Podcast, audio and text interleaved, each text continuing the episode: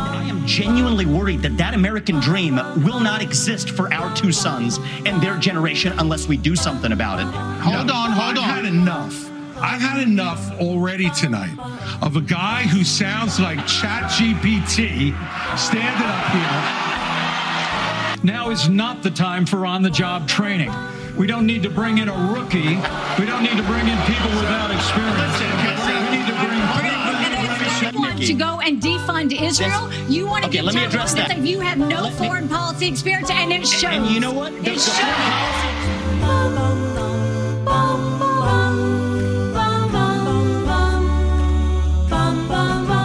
אוקיי, ברוכים הבאים לעוד פרק של אמריקה ללא פילטרים. איזה עימות רפובליקני מדהים.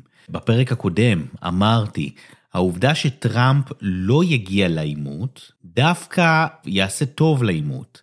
במקום לשאוב את תשומת הלב אל טראמפ, טראמפ, טראמפ, למועמדים החדשים הייתה הזדמנות להציג עצמם, להציג את משנתם, את המצע שלהם, ועדיין דיברו הרבה על טראמפ, אבל היה גם מקום לנושאים אחרים שחשובים לעם האמריקני, כמו הפלות, כמו כלכלה, כמו ביידן, כמו הגבול הדרומי עם מקסיקו, אה, כמו יחסי החוץ, וגם ישראל כיכבה בעימות, ולא קצת.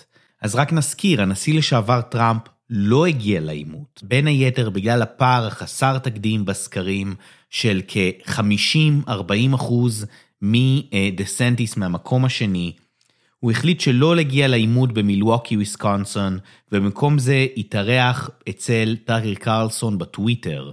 ברייטינג, רק שתבינו את הטירוף, מדברים על בין 50 ל-70 מיליון צפיות בעימות בפוקס ניוז, ולעומת זאת, הריאיון של טראמפ לטאקר קרלסון הגיע בטוויטר ל-200 מיליון צפיות, 200 מיליון צפיות. במונחים של טלוויזיה אין דבר כזה, אני יודע, בסופרבול אולי, אין דבר כזה.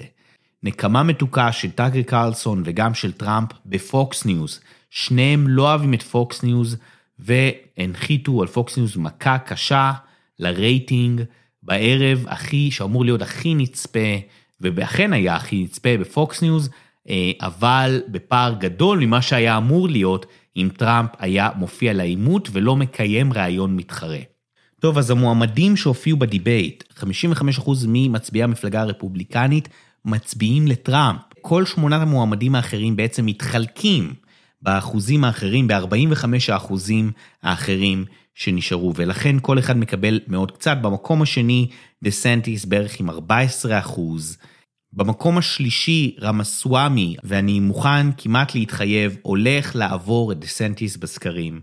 פנס עם כ-4%, טים סקוט, המועמד השחור, הרפובליקני השחור היחיד בעימות הזה, עם 3.5%, איילי בערך גם עם 3.5%, קריס קריסטי, מושל ניו ג'רזי לשעבר, עם 3.3%, אצ'ינסון, אסה אצ'ינסון, המתנגד הגדול לטראמפ, אה, מושל ארקנסו לשעבר, עם כאחוז, וברגר, עם בערך כחצי אחוז עד אחוז. כל אלה היו בעימות הרפובליקני. עכשיו, המנצח הגדול של העימות, כמעט לא, ללא עוררין, הוא וייבק רמסוואמי, צעיר, כריזמטי, יזם ביוטק, מיליארדר, מהיזמים העשירים ביותר באמריקה, שהצטרף למרוץ לפני חודשיים, האדם הצעיר ביותר אי פעם, שהפך למועמד בכיר בריצה לנשיאות במפלגה הרפובליקנית. אני רוצה שתקשיבו למה עניתי לערוץ 14, לטל מאיר בשלוש בערוץ 14, ששאלה אותי, במה אתה הולך לצפות, בעימות או בריאיון של טראמפ עם טאקר קרלסון? ואני אמרתי בעימות, תקשיבו לסיבה למה אמרתי שאני הולך לצפות דווקא בעימות. אתה יודע מה אני צריכה לשאול אותך, במי אתה תצפה הערב? ובאיזה תוכנית? וואו, כן, אוקיי. דילמה. אז דילמה אני. אני, עם כל הכבוד לטראמפ, אני כבר אה, כשבע, שמונה שנים שומע אותו כל כך הרבה, שאני כנראה הערב אה, כן אצפה ב debate. Mm. אה, יש שם כמה אה, באמת מועמדים מאוד מוכשרים, מאוד כריזמטיים. כן. אחד מהם הוא ויווק רמסוואמי, שהוא אוקיי. בחור צעיר, הבחור הכי צעיר במפלגה הרפובליקנית שמתמודד לנשיאות, והולך להיות מאוד מעניין. אז לכן אני כבר ראיתי את הנולד, ידעתי שזה יהיה הערב של ויווק. העימות כל הערב היה כולם נגד ויווק. היה גם הרבה בין אחרים, אבל הוא בא עם כזה חוצפה וכריזמה וצעיר ומעולם לא החזיק אף משרה ציבורית, ועדיין הצליח לקחת את כל תשומת הלב. הוא באמת הראה אה, בקיאות, והכי חשוב, ירה תשובות וידע איך להגיב כשנכנסו בו. אז גבירותיי ורבותיי, הכוכב העולה של המפלגה הרפובליקנית, וייבק רמסוואמי. I'm an entrepreneur. My parents came to this country with no money 40 years ago. I have gone on to found multi billion dollar companies. I did it while marrying my wife, Apurva, raising our two sons, following our faith in God. That is the American dream. And I am genuinely worried that that American dream will not exist for our two sons and their generation unless we do something about it. ועם הכריזמה והאנרגיה והרוח הצעירה, כל אלה הביאו עליו בעיקר אש מכל המבוגרים שבחדר עם הניסיון בממשל, רובם מושלים לשעבר, ראשי עיר לשעבר. אז קריס קריסטי, מושל ניו ג'רזי לשעבר, אומר לו, אתה נשמע כמו צ'אט GBT, אתה נשמע כמו, בדיוק כמו אובמה, והנה תראה מה קרה עם אובמה. Hold on, hold I've on. had enough. I've had enough already tonight of a guy who sounds like ChatGPT standing up here. And the last person in one of these debates, Brett, who stood in the middle of the stage and said, What's a skinny guy with an odd last name doing up here was Barack Obama, and I'm afraid we're dealing with the same type of amateur standing on stage tonight. מייק פנס אומר לו, אין לנו זמן למתמחים חדשים בתפקיד. Now is not the time for on the job training. We don't need to bring in a rookie. We don't need to bring in people without experience. We need to bring אבל התגובה הכי מעניינת הייתה דווקא של ניקי היילי, וזה בגלל שזה כלל את ישראל. ניקי היילי נכנסה בוויווק רמסוואמי על כך שהוא בעצם כושל ביחסי חוץ, ובמיוחד על כך שהוא הציע להפסיק את המימון לישראל. מה ששמעתם. לא בגלל שהוא נגד ישראל, ולא בגלל שיש לו בעיה עם ישראל ספציפית, בגלל הפלסטינים, או בגלל הסכמי שלום, כיבוש וכאלה, זה לא מעניין אותו. וייבק רמסואמי דוגל בבדלנות של ארצות הברית. הוא בעצם רוצה להפסיק את התמיכה של ארצות הברית בכל המדינות בעולם, להפסיק להזרים נשק, להפסיק להזרים כסף, ובעצם לדאוג לאזרחי ארצות הברית. בואו נשמע איך ניקי איילי תקפה אותו על כך, ואיך הוא הגיב לה. A win for Russia is a win for China. We have to know that. Ukraine is the first line of defense for us. And the problem that Vivek doesn't understand is he wants to hand Ukraine to Russia. He wants to let China eat Taiwan. He wants to go and stop funding Israel. You don't do that to friends. What you do instead is you have the backs of your friends. Ukraine is the front line of defense. Putin has said if Russia, once Russia takes Ukraine, Poland and the Baltics are next. That's a world war. We're trying to prevent war. Look at what Putin did today. He killed Prigozhin. When I was at the UN, the Russian ambassador suddenly died. This guy is a murderer, and you are choosing a murderer over, over a pro-American country. אז רמסוואמי עונה לאיילי, שמאשימה אותו בכישלון יחסי החוץ שלו. הוא אומר לה, בעצם, את תומכת במלחמות ובהעברת נשק לאוקראינה, וכסף לאוקראינה וכסף לישראל, ונשק לישראל, ואני מאחל לך בהצלחה בתפקידי הדירקטוריון העתידיים שלך בחברות הנשק השונות, כולל, הוא מדבר גם על לוקיד מרטין, החברה חברת הנשק הכי גדולה בעצם בארצות הברית. You know, Nikki, I wish you well in your future career on the boards of Lockheed and Raytheon. You know, I'm not on but the, the, fact boards of the matter, Lockheed and Raytheon, and you know, you Boeing won't came put off of it, down but you've been pushing this everybody on lie. this stage, You've been pushing but this you know lie what? all week, you want Nikki. to go and defund Israel. you want to Okay, give let me Taiwan address to that. I'm China. glad you brought that want up. to go and give I'm going to Ukraine address Russia. each of those right now. You This is say go The false He will lies make of a America professional less politician. safe. There you have Under it. your watch, So you the will make reality is- America less safe. You have no Let me- foreign policy experience, and it shows. And you know what? The, It the foreign shows. policy experience. אז ניקי היילי מצוטטת את מרגרט תאצ'ר ואומרת, אם אתה רוצה שזה ייאמר, תן את העבודה לגבר, אם אתה רוצה שזה ייעשה, תן את זה לאישה. This is exactly why Margaret Thatcher said, if you want something said, ask a man. If you want something done, ask a woman. ניקי היילי לא מרפה מאהבתה לישראל, מהנאמנות שלה לישראל. אפשר גם לתת לזה מוטיבים אחרים ואינטרסים אחרים, אבל ניקי היילי אוהבת את ישראל. אם ניקי היילי תהיה נשיאת ארצות הברית, זה טוב לישראל. אפשר להגיד גם שטראמפ טוב לישראל, וגם דה סנטיס אוהב את ישראל, אבל הסיכוי שלה להיות נשיאה הוא פחות או יותר אפס.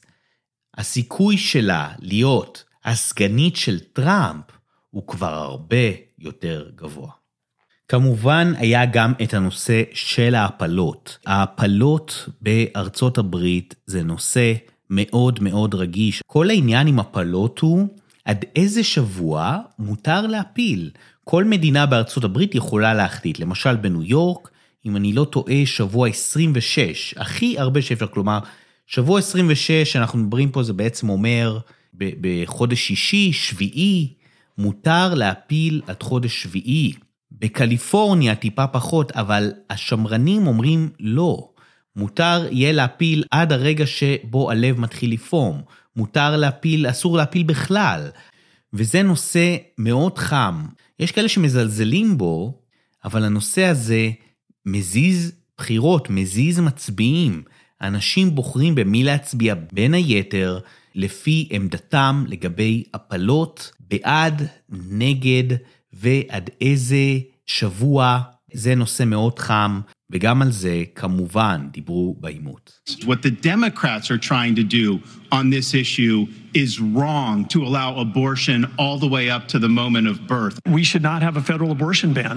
I am unapologetically pro life, not because the Republican Party tells me to be, But because my husband was adopted and I had trouble having both of my children. So I'm surrounded by blessings. Having said that, we need to stop demonizing this issue. This is talking about the fact that unelected justices didn't need to decide something this personal. אז הנה דוגמה לבאמת גישה מאוד שמרנית. הגישה אומרת שהעובר ברחם יכול להרגיש כאב, זה הרגע שבו ממנו אסור לעשות הפלות. זאת הגישה השמרנית של מייק פנס. Can't we have a minimum standard in every state in the nation that says when a baby is capable of feeling pain, an abortion cannot be allowed? Don't make women feel like they have to decide on this issue when you know we don't have 60 Senate votes in the House. I- 70% of the American people support legislation But to ban 70% of abortion the after a Senate baby is does capable not. of experiencing טים סקוט, גם אה, מאוד שמרן, אומר, אנחנו צריכים להילחם עבור החיים של העוברים, ואומר, הבורא נתן לנו חיים. The United States who will advocate and fight for at the minimum a 15 week limit. I am 100% pro life conservative. I have a 100% pro life record. I got to tell you though, we must fight for life. Our Declaration of Independence says our Creator gave us inalienable rights that include life.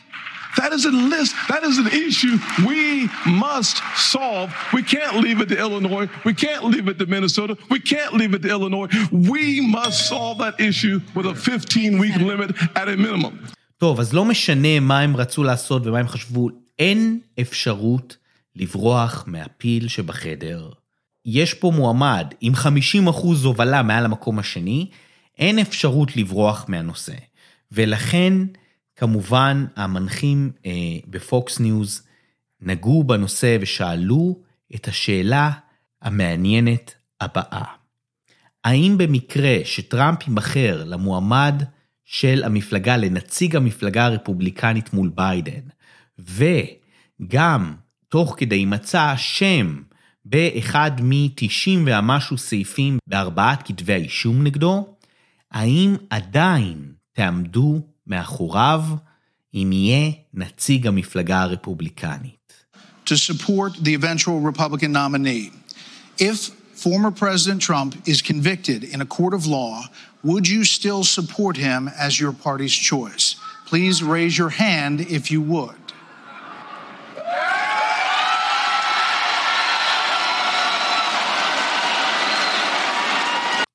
דה סנטיס היה היחיד שלא הרים את היד, הסתכל לראות מה האחרים עושים, ואז שהוא ראה שהרוב מרימים את היד, הרים את היד גם הוא. הוא יעמוד מאחורי טראמפ אם טראמפ יהיה נציג המפלגה הרפובליקנית ויימצא אשם בפלילים. וזה באמת סמל לחוסר ההחלטיות שלו, לפחד הזה שיש לו מצד אחד הוא רוצה להיות אלטרנטיבה לטראמפ, מצד שני הוא לא רוצה לאכזב את מי שאוהב את טראמפ ורוצה להצביע לסנטיס. אז זה לא עוזר לו בקמפיין כי זה מורגש והבוחרים לא מטומטמים. הם מרגישים שדה סנטיס לא הולך עד הסוף עם אג'נדה, אלא מנסה להרוויח מצביעים מכל הצדדים.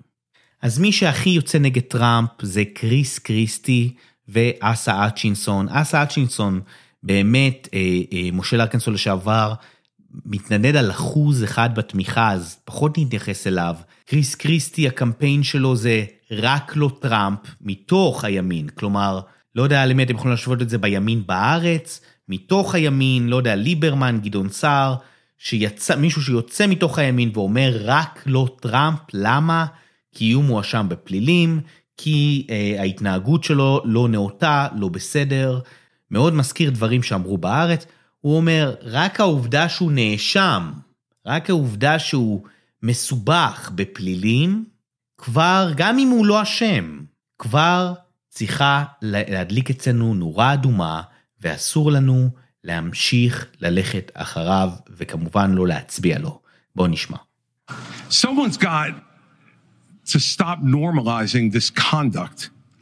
Okay? Now, and now whether or not, whether or not you believe that the criminal charges are right or wrong, the conduct is beneath the office of President of the United States. And, and, and you know, this is the great thing about this country. Booing is allowed, but it doesn't change the truth.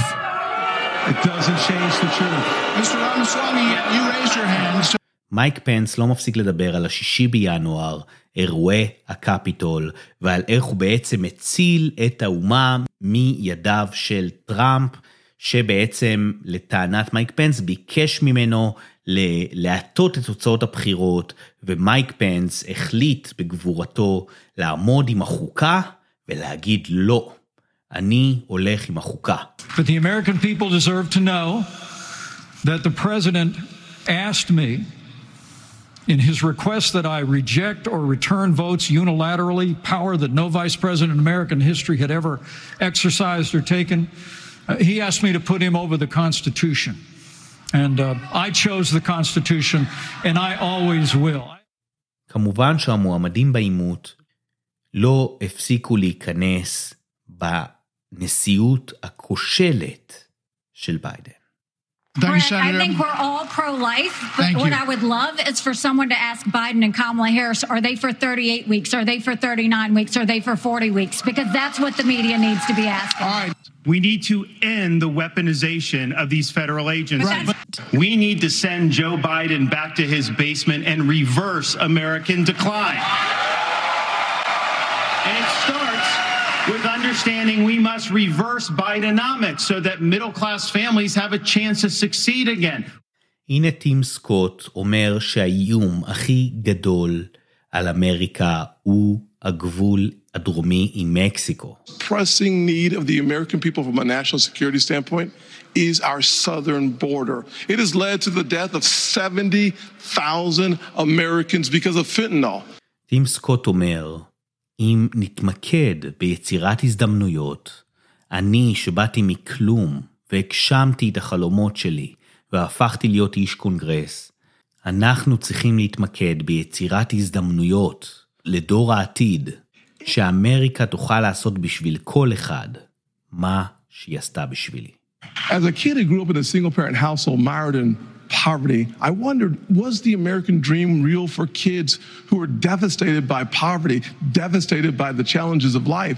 I came to the conclusion that America can do for anyone what she's done for me if we focus on restoring hope, creating opportunities, and protecting America. אז העימות הרפובליקני הראשון הוא יריית הפתיחה של הבחירות לנשיאות ארצות הברית 2024.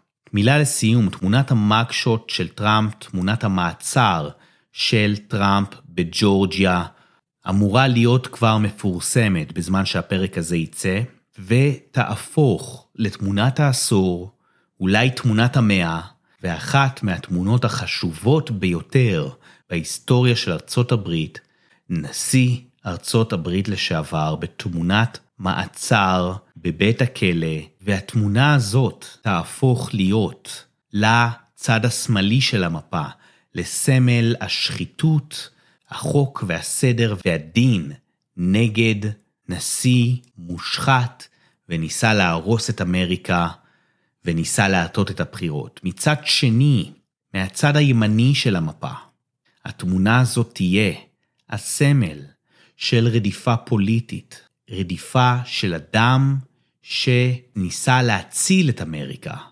והממסד ניסה להרוס אותו ולכלוא אותו, כמו שעשה לגנדי ולמנדלה, ואם נלך באמת להשוות גדולות לישו, שני הצדדים ידפיסו את התמונה הזאת על חולצות בכל שערי העיתונים, בכל מקום, תמונות גדולות. אנחנו בפני שנה מטורפת בפוליטיקה האמריקאית, וכתוצאה מכך גם בכלכלה האמריקאית ובחברה האמריקאית, וזה ישפיע גם על ישראל, וזהות הנשיא הבא תשפיע גם על ישראל ועל כל העולם. תעתקו חגורות, כי אנחנו יוצאים לדרך עם הבחירות כנראה הכי מטורפות בהיסטוריה של הברית. אולי הבחירות ללינקולן במלחמת האזרחים היו טיפה יותר, אבל פחות או יותר, בוא נאמר בחיים שלנו. הבחירות לנשיאות הכי מטורפות בחיים שלנו. אמריקה ללא פילטרים, נתראה בפעם הבאה. Bum bum bum